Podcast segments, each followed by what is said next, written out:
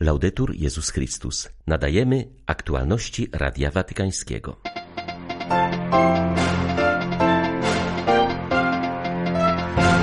Formacja kapłańska nigdy się nie kończy. Jeśli jej zaniechamy, to nie staniemy w miejscu, ale zaczniemy się cofać, wskazał dziś Franciszek w wspólnocie seminarium archidiecezji neapolitańskiej. Wczoraj wieczorem w Bazylice Watykańskiej po raz pierwszy uczczono koptyjskich męczenników zabitych przez islamistów 15 lutego 2015 roku na plaży w Libii. Podczas ekumenicznego nabożeństwa uroczyście wprowadzono ich relikwie podarowane papieżowi przez patriarchę Aleksandrii.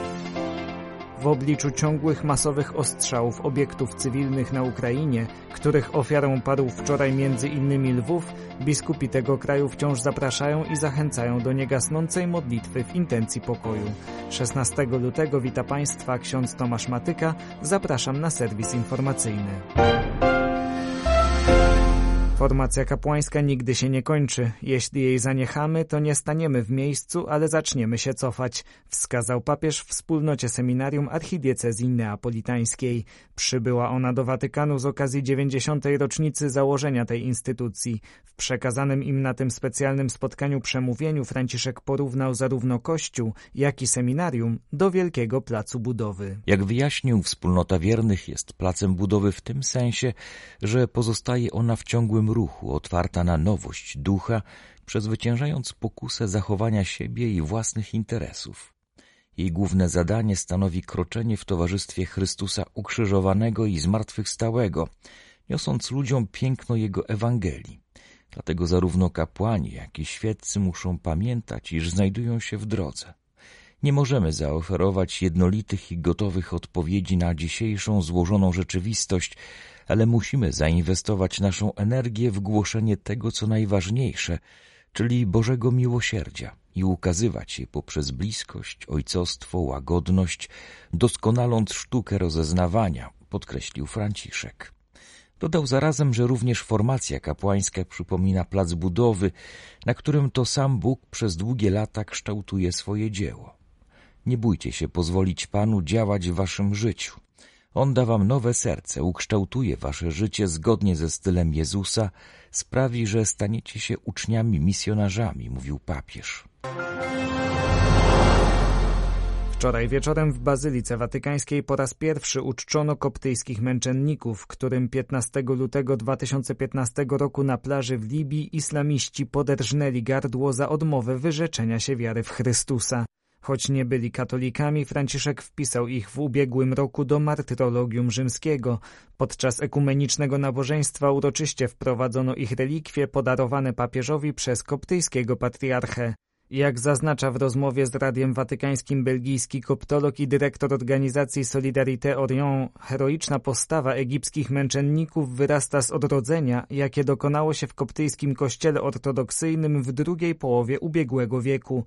Wpisuje się to również w szczególne podejście koptów do męczeństwa, które, jak zaznacza Christian Canouillet, w Egipcie jest stałym elementem chrześcijańskiego życia. Les Coptes ont une sensibilité très vive à l'égard Koptowie są bardzo wyczuleni na zjawisko męczeństwa.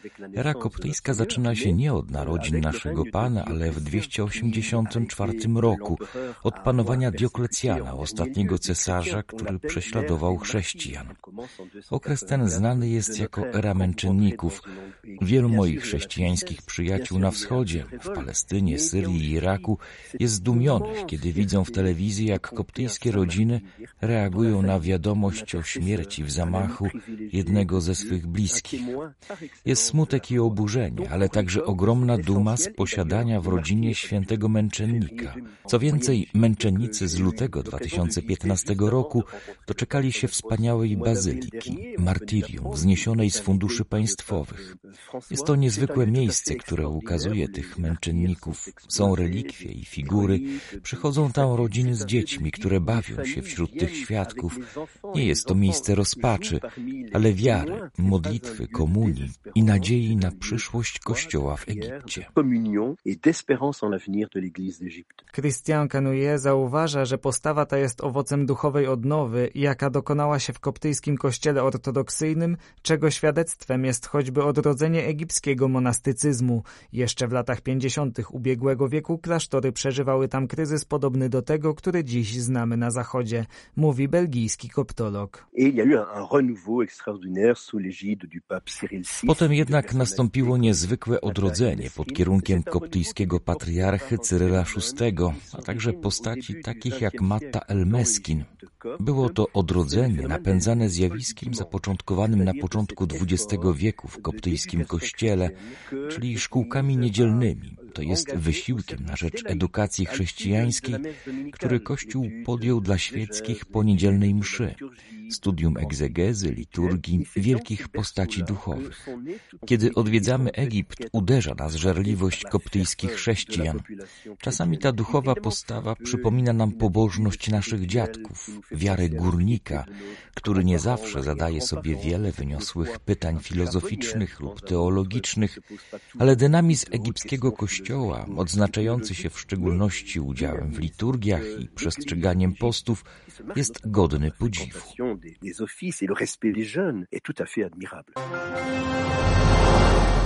Palestyńczycy stoją przed kolejnym wyzwaniem, gdyż wiele państw zawiesiło fundusze dla Agencji Narodów Zjednoczonych do spraw pomocy uchodźcom palestyńskim na Bliskim Wschodzie.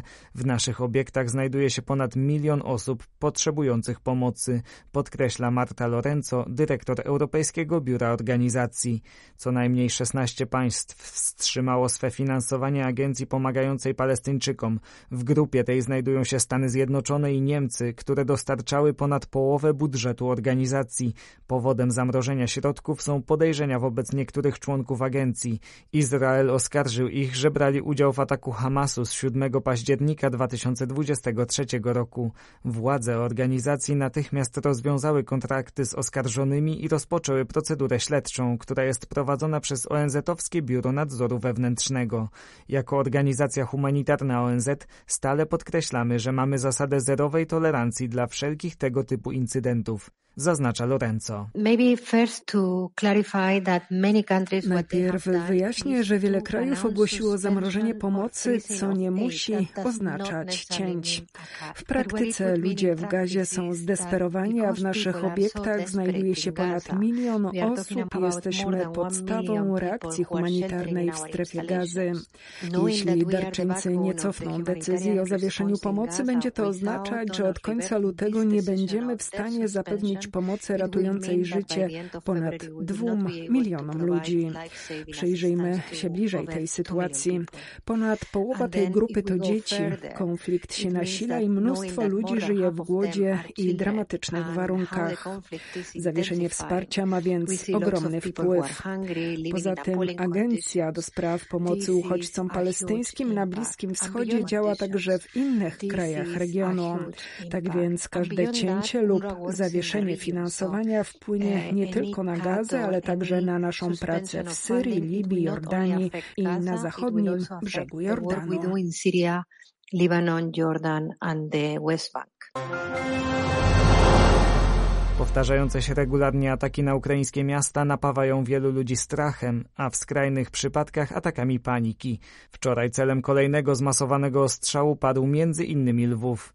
Biskupi tego kraju wciąż zapraszają i zachęcają do niegasnącej modlitwy w intencji pokoju. Już w tej chwili planuje się, aby druga rocznica pełnoskalowej inwazji, przypadająca 24 lutego, przeżywana była w duchu modlitwy. Atmosfera ciągłej niepewności jutra i zagrożenia atakami rakietowymi odczuwalna jest na terytorium całej Ukrainy. Każdego dnia jesteśmy niepokojeni alarmami. Musimy schodzić, uciekać do schronów. W sposób szczególny odczuwają to dzieci, osoby starsze starsze. Tak relacjonuje Radiu Watykańskiemu obecną sytuację metropolita lwowski arcybiskup Mieczysław Mokrzycki i jeszcze bardziej zachęca do intensywnej modlitwy. Zapraszam wszystkich do modlitwy w okresie Wielkiego Postu, a także w drugą rocznicę wybuchu wojny, abyśmy także w tym czasie otwierali swoje serca na tych wszystkich, którzy doświadczają bezpośrednich skutków wojny, tych, którzy zginęli, ich rodziny otoczyć troską a także spieszyć z pomocą dla osób, którzy utracają swoje mienie, którzy muszą uciekać przed bezpośrednimi działaniami wojennymi. Metropolita Lwowski zaprasza już teraz wiernych swojej diecezji, aby drugą rocznicę wojny przeżyli na modlitwie, a kto może by przybył do sanktuarium maryjnego w Bołszowcach, gdzie przed obrazem Matki Bożej Królowej Pokoju i Pojednania odbędzie się modlitwa o pokój. Z Ukrainy dla Radia Watykańskiego ksiądz Mariusz Krawiec, Paulista. Wdzięczność, z którą się spotykamy na Ukrainie, mobilizuje mnie, żeby jeszcze lepiej i jeszcze więcej pomagać, mówi Radiu Watykańskiemu ksiądz Leszek Kryża. Od wybuchu pełnoskalowej wojny był w tym kraju 22 razy. Kierowany przez niego zespół pomocy Kościołowi na wschodzie przy Komisji Episkopatu Polski przeznaczył na wsparcie ponad 3 miliony złotych i zorganizował 53 transporty z pomocą humanitarną. Szacuje się, że żywność, lekarstwa, generatory prądu i piecyki do ogrzewania pomogły przeżyć ten okres kilkunastu tysiącom ludzi. Celem kolejnej wyprawy będzie Zaporoże, Hersoń i Mikołajów. Na oswobodzone od Rosjan tereny powoli wracają mieszkańcy, mówi ksiądz Kryża. Wyznaje, że wcześniej znał wojnę jedynie z opowieści taty i wujków, którzy przeżyli II wojnę światową. Teraz przyszło mu się skonfrontować z bardzo konkretną rzeczywistością. Byłem w miejscach, gdzie wybuchały pociski, gdzie padały rakiety, gdzie ludzie mieszkali w ruinach, w piwnicach, gdzie uciekali przed płonącym domem. Sam niejednokrotnie musiałem spod ostrzału się wycofywać, więc to było zupełnie inne spojrzenie na wojnę. Wojnę w realu, wojnę, która nie jest teorią. Przedstawiciele zespołu pomocy Kościołowi na wschodzie ze wsparciem docierali też na linię frontu mając w kieszeni różaniec, jeden z żołnierzy poprosił o ten różaniec, dostał różaniec, drugi też chciał i też dostał, ale ten mówi do niego, przecież ty jesteś człowiekiem niewierzącym. On mówi, na wojnie nie ma ludzi niewierzących i potem podaje temu swojemu koledze właśnie ten różaniec, mówi, a teraz ty mnie naucz, co ja mam z tym robić. Właśnie to są doświadczenia wojny od innej strony jakby. Ksiądz Kryża podkreśla, że ogromna wdzięczność, z którą spotyka się na Ukrainie, mobilizuje go, żeby jeszcze lepiej i jeszcze więcej pomagać. Gdziekolwiek się zjawialiśmy, zawsze wszyscy mówili, Proszę dziękować Polakom, proszę dziękować Polsce, ale dla mnie takim szczególnym spotkaniem było spotkanie z jedną z naszych starszych rodaczek, samotna pani gdzieś tam na dalekiej wiosce, kiedy jej wręczaliśmy paczkę z polskim godłem. I ona taka zdziwiona pyta się, a skąd ta paczka? Mówię, z Polski.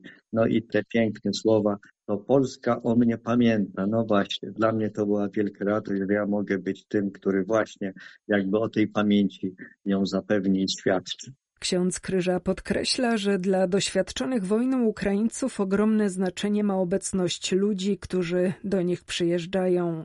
To rodzi nadzieję, pozwala doświadczyć, że nie są sami. W Charkowie kiedyś na jednym z osiedli, które no, normalnie przed wojną liczyło ze 400 tysięcy mieszkańców, zostało ze 30 tysięcy i ludzie stali w ogromnej, ogromnej kolejce i to przez kilka godzin po to, żeby dostać pomoc humanitarną. I oni wszyscy mówili, dzięki Wam udało nam się przeżyć, dzięki Wam na pewno uda nam się to wszystko wytrzymać. Rzeczywiście jesteśmy takimi, którzy niosą nadzieję. Zresztą nie tylko my, bardziej myślę, że tymi, którzy dają nadzieję tym ludziom, to są ci, którzy z nimi zostali. Chodzi mi o kapłanów, siostry zakonne, którzy tam z nimi zostali, bo dla tych ludzi to jest taki wielki znak zapytania, dlaczego oni tutaj zostali, jaką mają motywację i dochodzą do, do takich głębokich wniosków, że tu musi być w tym wszystkim coś o wiele więcej, że za nimi stoi ktoś przez duże K. Były to aktualności Radia Watykańskiego. Laudetur Jezus Chrystus.